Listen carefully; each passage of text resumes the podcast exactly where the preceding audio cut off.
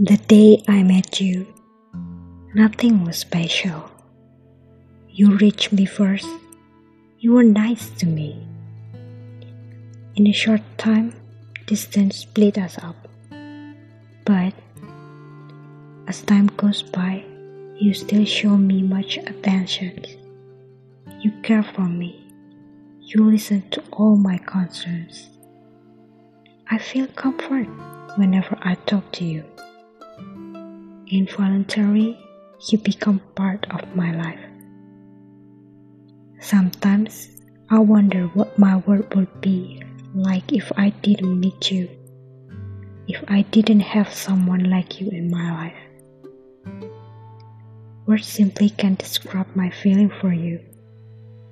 You make my life a better place. But sometimes I'm afraid that we are not meant to be together.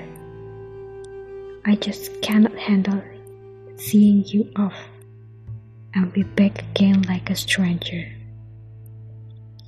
It is weird to think that we are used to meeting but not to parting while we know that both are like a package of life.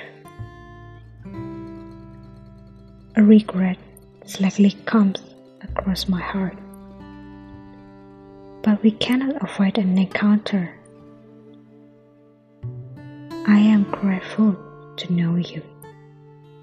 I will just enjoy every moment we have now and never forget you. Because the day I met you, I know that someday I have to let you go.